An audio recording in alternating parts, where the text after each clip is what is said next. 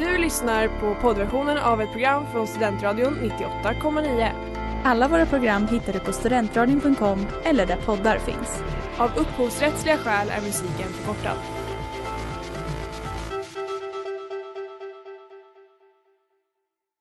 Det börjar bli dags att öppna upp Sverige. Any further acts of aggression would be met with massive consequences. Om jag åker tunnelbana i Tokyo, är då japan? Så när jag hör Jimmie Åkesson här prata om klimatfrågan, då kommer jag att tänka på ett sånt här flaskskepp, du vet.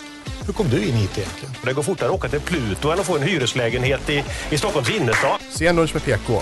Ditt inrikespolitiska program varje onsdag klockan 18.00 här på Studentradion 98,9. YOLO. Det är onsdag kväll och det är dags för ett nytt avsnitt av Scenlunch med PK. I studion ikväll har vi Jakob och Edvin och jag, Rickard. Och det händer kanske inte supermycket i svensk inrikespolitik just nu. Det är lite stiltje, men i studion hos oss är det allt annat än stiltje. Vi har nämligen lite besökare, lite lite livepublik, så det känns som att vi livepoddar. Eh, och nu vill man säga så här, säg någonting, men det får de absolut inte göra för det är bara, det är bara vi som pratar.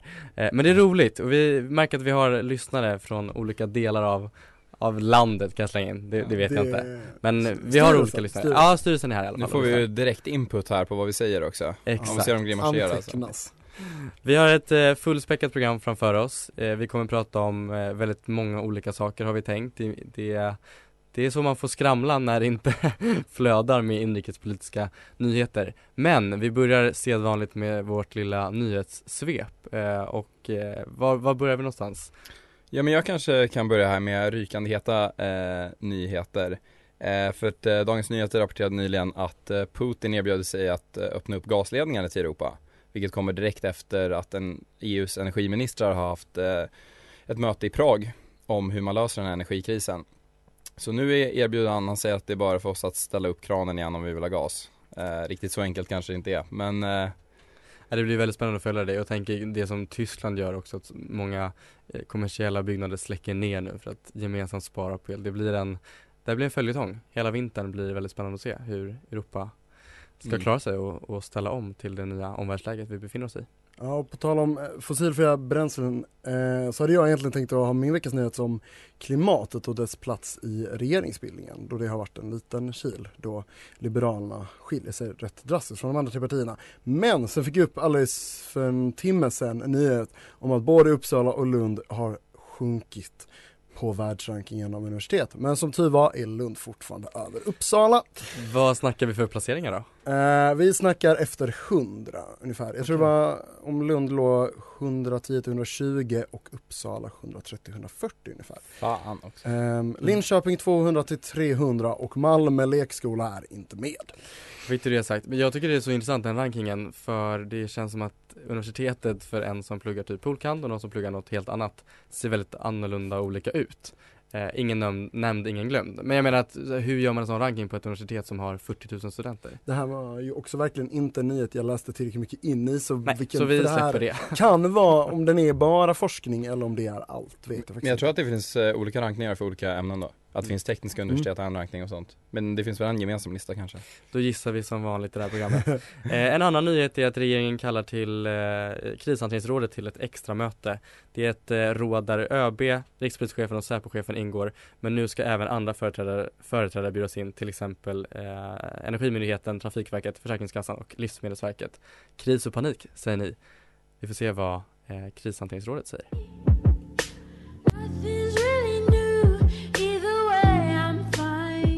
Det där var Late Night med Sister. Det är ju en spännande tid i svensk inrikespolitik. Vi står utan regering. Vi har en övergångsregering i väntan på, eh, på en ny statsminister. Det är väldigt tydligt tycker jag i retoriken från den avgående regeringen att att man bara väntar på att bli avtackade och att man ska få lämna. Eh, vi har ju faktiskt inte en, en ny statsminister på plats och riksdagen har inte röstat igenom eh, Kristerssons lag ännu så att eh, Nej, men de rödgröna är ju så otroligt taggade på att vara opposition. Tror du? ja, man får så... klaga lite Aha. nu liksom. Men vi måste ju recapa lite vad som har hänt för vi tänkte när vi planerade sändningen så tänkte vi ja men perfekt eh, Kristersson återrapporterar till talmannen onsdag förmiddag, bra då kan vi snacka eh, den nya regerings eh, hela sändningen typ. Eh, Eller så... en lite saftigt misslyckande. ah, okej. Mm. Det var era förhoppningar. Nej jag menar en av de två skulle vara Men det besked som Kristersson lämnar idag är att eh, i, i stora drag så är de överens. Eh, men eh, eh, som han, han säger så här, vi, han skriver på Instagram, vi är i princip klara och jag har bett om ett par dagar till för att färdigställa de sista detaljerna. Så att 48 timmar till, på fredag har han ett besked till talmannen och eh, det troliga är väl att eh, riksdagen går till omröstning då på måndag.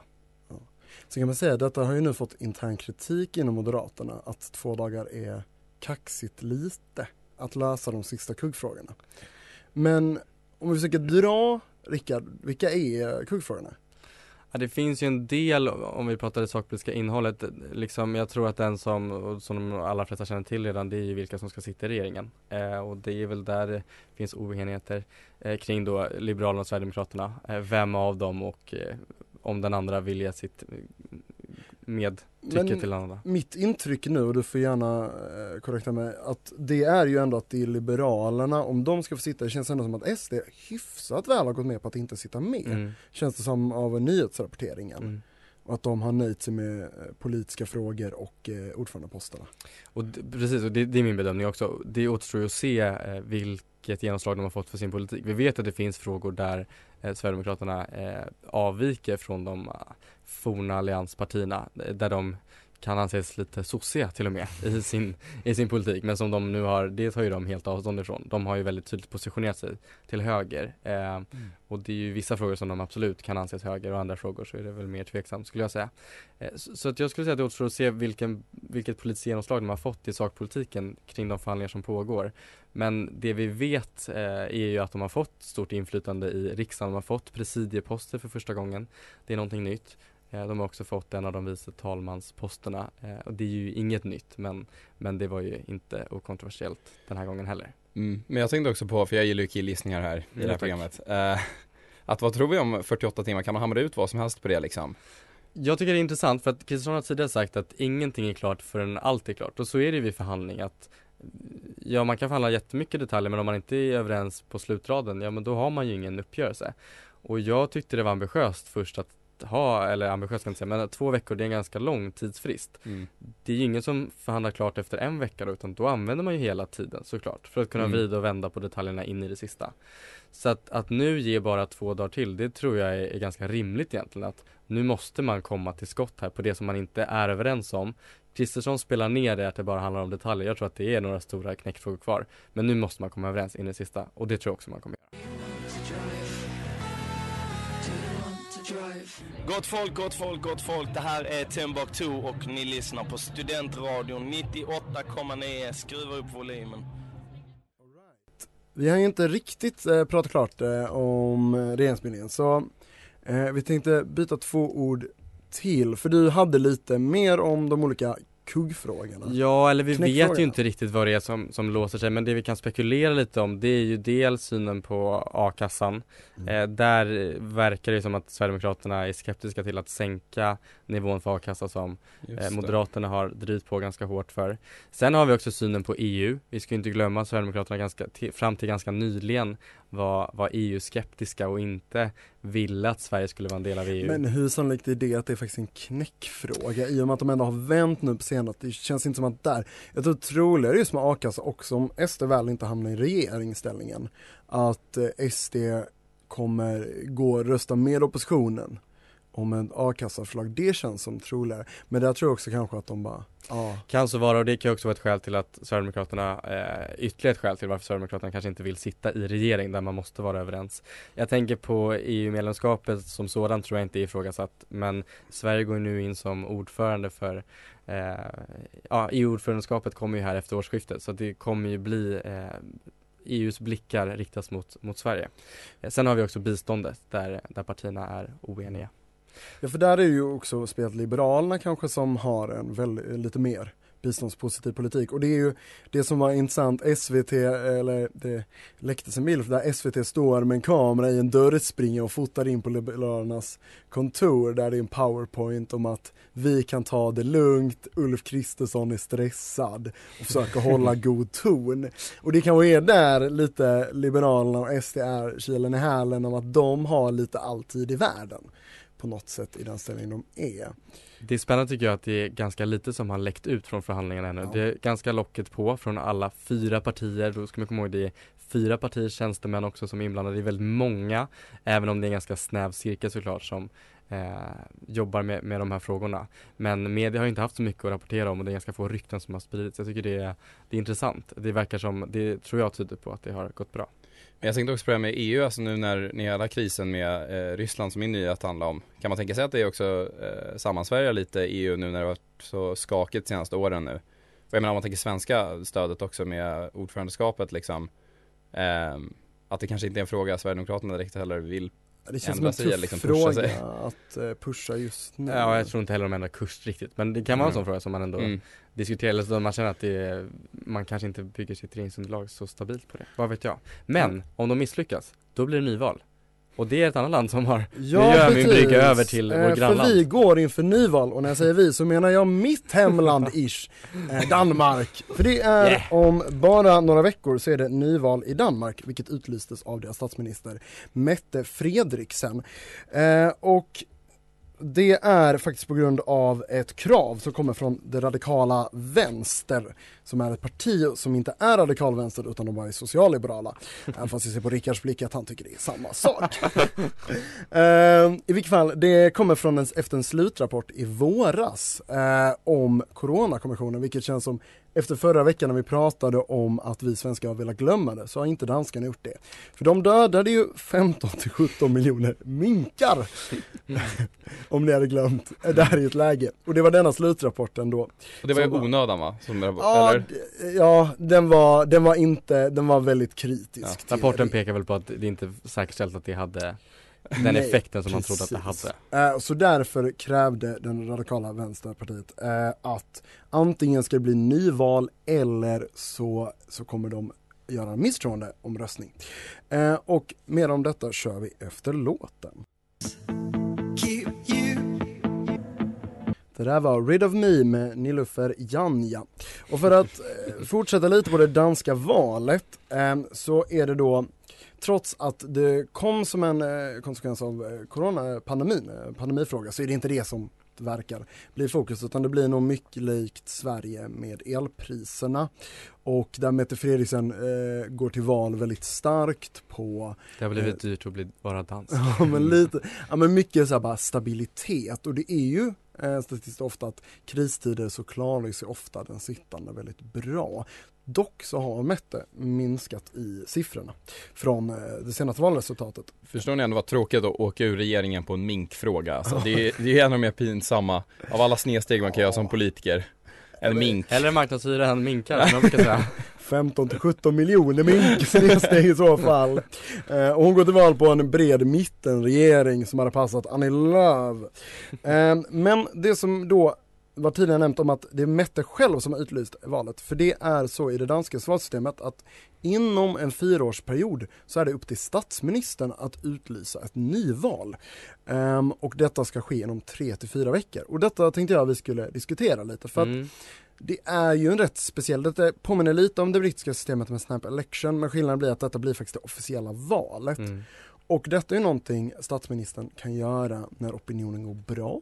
Detta är självklart också någonting som kan lite backfira Mm. om, eh, för de flesta älskar ju inte ett val om man gör det som ett halvår in. Eh, men, och lika så Det ska också nämnas att, att eh, hennes tidsfrist för det här valet går ut i juni nästa år. Precis. Eh, så hon är ju Det är några månader konstigt. tidigare liksom. Och just i detta läget var hon ju också lite tvingad till det. Så här var det nog inte så mycket snack om taktik. Nej. Men det jag kände nog, det spontana efter valet, att det var ett utmattat gäng vi hade. Eh, efter ett halvår, år av valrörelse. Att så här, tycker ni, det finns det en fördel att ha tre till fyra veckor eh, valrörelse? Alltså det beror på hur man ser det. Jag tänker att att utlysa valet, att inte ha fasta mandatperioder, det påminner om hur Storbritannien hade det förut också. Det, som du säger Jakob, det öppnar upp för taktik. Sen vet jag inte riktigt vad man kan säga om valrörelsen. Det finns ju väl risk för att valen blir, eh, frekvensen av valen blir eh, mer ofta än om man jämför med, med fasta mandatperioder som i Sverige till exempel. Men, men det har jag inte några statistiska belägg för. Men jag skulle gissa att det kan bli så och då ska man ju komma ihåg att, att, eh, att genomföra ett val är ju fruktansvärt dyrt. Det kostar hur mycket Mm. som helst. Men, men jag, det kom väl ut om jag minns rätt att eh, svenskar var väldigt missnöjda med årets valrörelse. Eh, jag är ingen källa på det ska sägas. Eh, men som det, vanligt. det, Men men menar- det var det. det Ja, så det kanske hade varit liksom någonting att, jag menar det kanske Men skulle varit danskarna nästan- vara mer nöjda över att det kommer valet så? Ja, man kanske håller kvar liksom det här, eh, den här entusiasmen över att det är nyval och sånt. Nej, jag vet inte riktigt, men eh, jag kan tänka mig att det hade varit liksom, man hade ju inte tröttnat. Det, det, det enda känns väl om man hinner folk läsa in sig i frågorna. Att så här, det är väl liksom lite syftet Mm. i att försöka sätta in folk i ett Jag kan också tänka att utan att lägga någon värdering i vem som styr landet att det finns ett värde att den som styr landet också får möjlighet att lägga upp valrörelsen. För det är klart att man vill att, att regeringen ska vara tillgänglig och kunna bedriva någon slags valkampanj och finnas ute på gator och torg för folket att möta. Men samtidigt också kunna driva landet eh, och uppfylla den funktionen de har som, som statsråd. Tänker du att det, det skulle vara svårare då med fyra veckors? Ja, inte Eh, perioden egentligen utan det är snarare då att det kommer eh, så plötsligt och så oväntat i Mm. det läge där vi, för nu handlar det snarare om att det är en politisk kris som utlyser nyvalet och inte att, att hennes mandat börjar löpa ut. Eh, Nej, för det hade varit rimligt att ha valet någon gång efter årsskiftet. Som, som jag har tolkat Mm. den danska. Eller tvingade folk att, eh, partierna att vara ah, konstant lite mer aktiva. Man vet aldrig liksom när det kan komma ett val. Men det var intressant tyckte jag, om jag bara får säga, när jag såg på Mette Fredriksens Instagram när hon, strax innan hon la ut det här så hade hon fått en kommentar där, där någon väljare hade tyckt att hon såg så allvarlig ut och då sa hon att det, det är ganska tungt just nu. Det är tungt att vara statsminister i de tider vi befinner oss i. Så hon var väldigt öppen med det och sen var det nyval dagen efter. Så det var någonstans i det att det, det var lite pressat för henne där och då. Fint med pressat.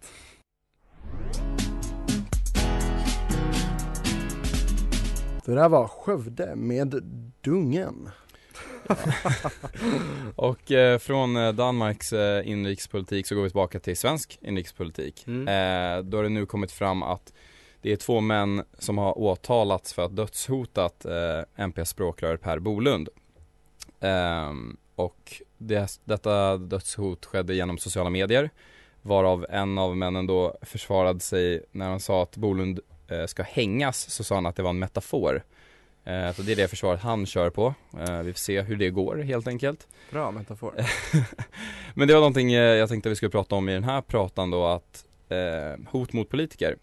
Ja, För det har Eh. ändå varit i år väldigt mycket på tapeten. Mm. eh, efter eh, eh, mordådet eh, på Almedalen i somras. Mm. Ja och vi i Sverige har ju haft en eh, del av eh, våld mot politiker också Mm. med tanke på att typ USA rankar oss väldigt högt i farlighetsgrad när eh, presidenten ska besöka med mera och mera. Ehm, men det är värt att nämna att i den här artikeln stod det även att eh, då Miljöpartiet är de som eh, utsätts för mest hot.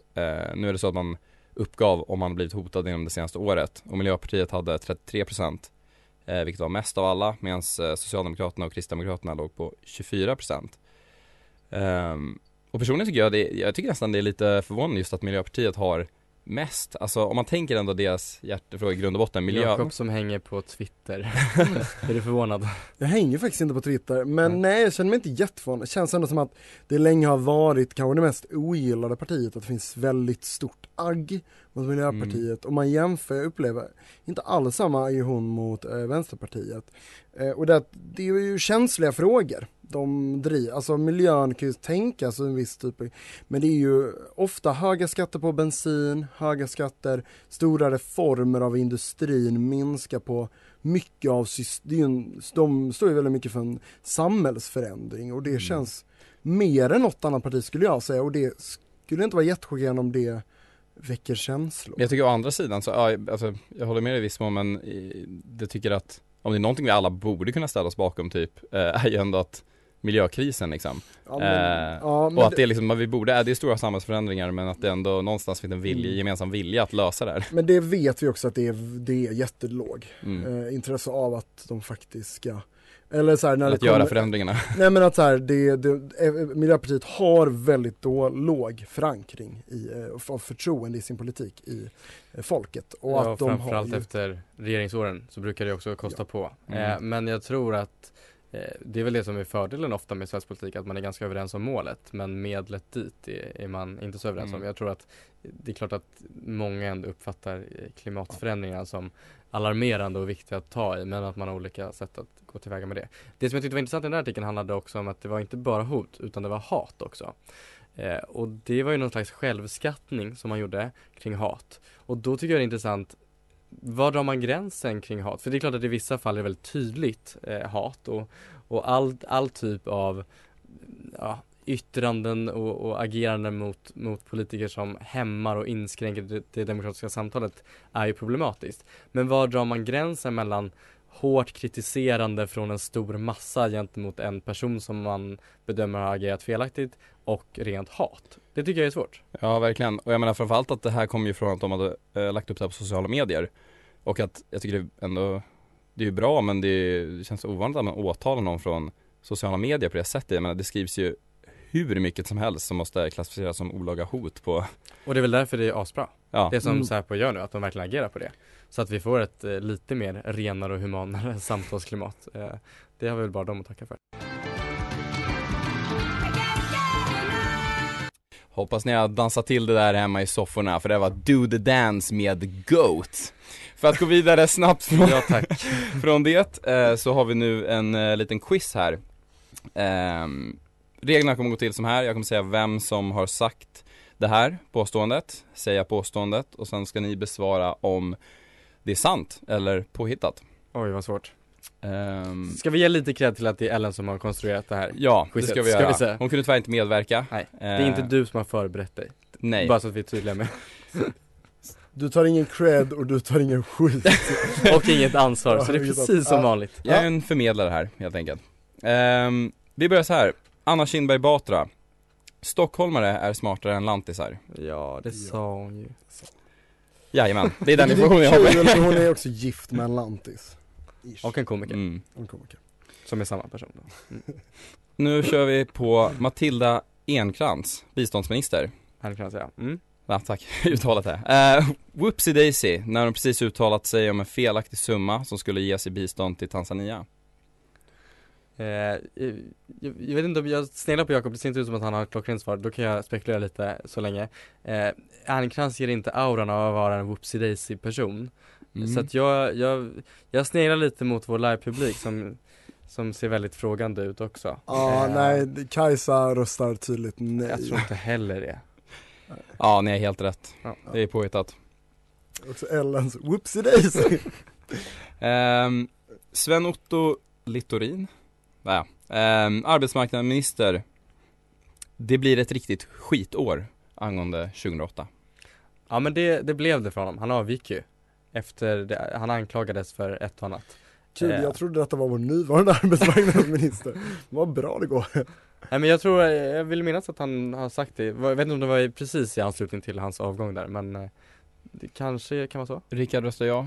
Ja men alltså han la ju ett bra argument så det känns ju dumt att Eller så blandar jag ihop det med någon annan Ja, Men jag röstar nej bara för att, uh, ska vi spicy Jo men han har koll på sina grejer. Det blev ett riktigt skitår och det sa han också. Mm. Elisabeth Svantesson. Ehm, att hon tittat på en film om ab- abort och tyckt sig se hur barnets lilla mun formades till ett tyst skrik. Har hon sagt det här? Det. Vänta, det, eh, Elisabeth Svantesson, eh, Såg en film om abort. Moderaternas ekonomiska Ja, Mm, kanske det var nästa finansminister Ja, ehm, ja det känns ju inte, jag, jag har ingen bild av henne som en abortkritiker, vilket det ändå låter som, så jag tänker säga nej. Jag tror inte heller hon har sagt det men jag tror att man vill anspela lite på att hon har varit aktiv i Livets Ord, eh, tror jag Mm. Ah, Hon har faktiskt sagt det här, tydligen. Okej. Ehm, här får man kolla in. Gustav Fridolin. Det är dags att göra något åt barnen som behöver specialhjälp i skolan. Ja, alltså han var väl skolminister, det är så här, ehm, Ja precis, som utbildningsminister så är väl det nog rimligt att, att ta tag i Varför skulle han inte kunna säga det här? Finns det något kontroversiellt med det? Jag vet inte, men han har inte sagt det. Så att, eh, Alltså, vet Ellen att han inte har sagt det? Jag såg ett quiz här och nu. eh, och sista här, Marita Ulvskog. Eh, Mm. Kallade Gunnar Hökmark för jävla skithög. när de glömde att mikrofonen var på i en debatt inför EU-valet. De har ju varit EU-parlamentariker båda två. Eh, Det där känns för detaljerat för att hitta på, jag tror det är sant. jag tror också det är sant. Det är klart att hon kängade honom. Mm. Hon missade att micken var på och det är helt sant. Fy Gunnar Hökmark har ju också bra. en väldigt intressant grej på Twitter när han tweetar så avslutar han inte med en punkt utan med ett kommatecken. För det kan alltid komma något mer. Jag Oj. tycker det, det har något filosofiskt fint. Jag vet inte.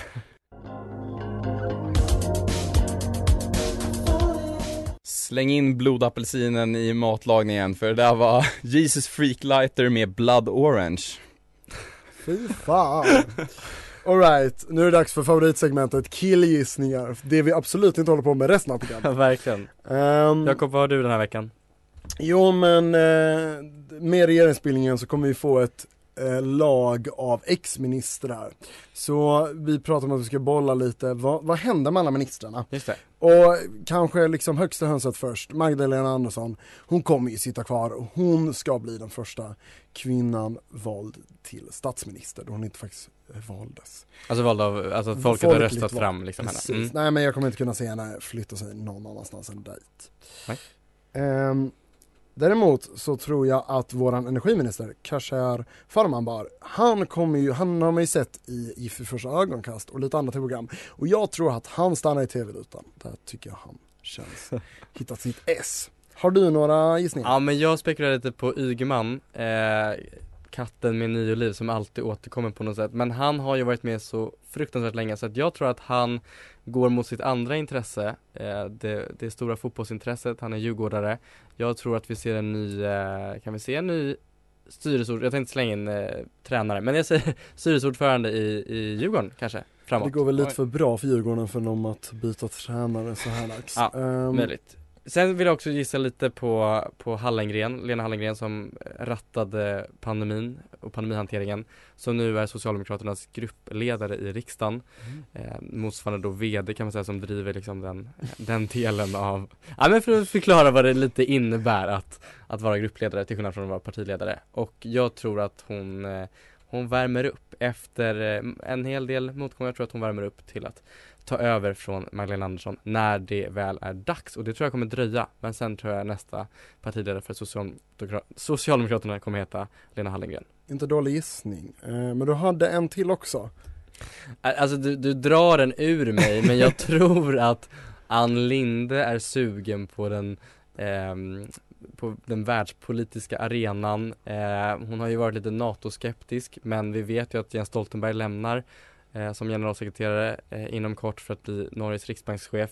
Kanske heter NATOs nya generalsekreterare Ann Linde. Det tror jag var en dålig gissning. Edvin, har du något att säga? Ja men min, eh, min gissning kräver lite bakgrund apropå eh, Nobels fredspris som eh, delades ut nyligen till, eh, den gick då till Ukrainian Center for Civil Liberties och Ales Biolatsky, ja de har dokumenterat eh, krigsbrott och eh, sånt i kriget i Ukraina. Jag tänkte gissa på nästa års eh, fredsprismottagare. Mm. Jag läste lätt. på lite här, ja men jag har underlag för den här gången. Um, Nobels fredspris försöker ju liksom uppmana folk också till att eh, göra de sakerna för mänskligheten som gynnar oss alla och eh, liksom peka på de områdena vi behöver tryck på i framtiden. Och eh, Greta Thunberg har inte setts på länge. Hon var nominerad i år och jag tänkte faktiskt lägga min gissning på det. Nobels fredspris till Greta Thunberg 2023. Ja, alltså det var ju inte, jag trodde verkligen du skulle komma med något dummare. Nej, det var lite underbyggt, eller hur? Det låg ribban när Edvin spanar. Hon sk- det skulle ändå kunna, alltså här, klimatfrågan, eh, Men ja absolut, men då skulle hon väl ha fått det redan. jo det är väldigt Vad har hon tagit vägen? sant. Det får vi spana vidare kring, kring nästa gång. Men det finns fler ministrar, vi har mycket mer att säga men vi får väl skippa det nu då. Jakob viftar för fullt.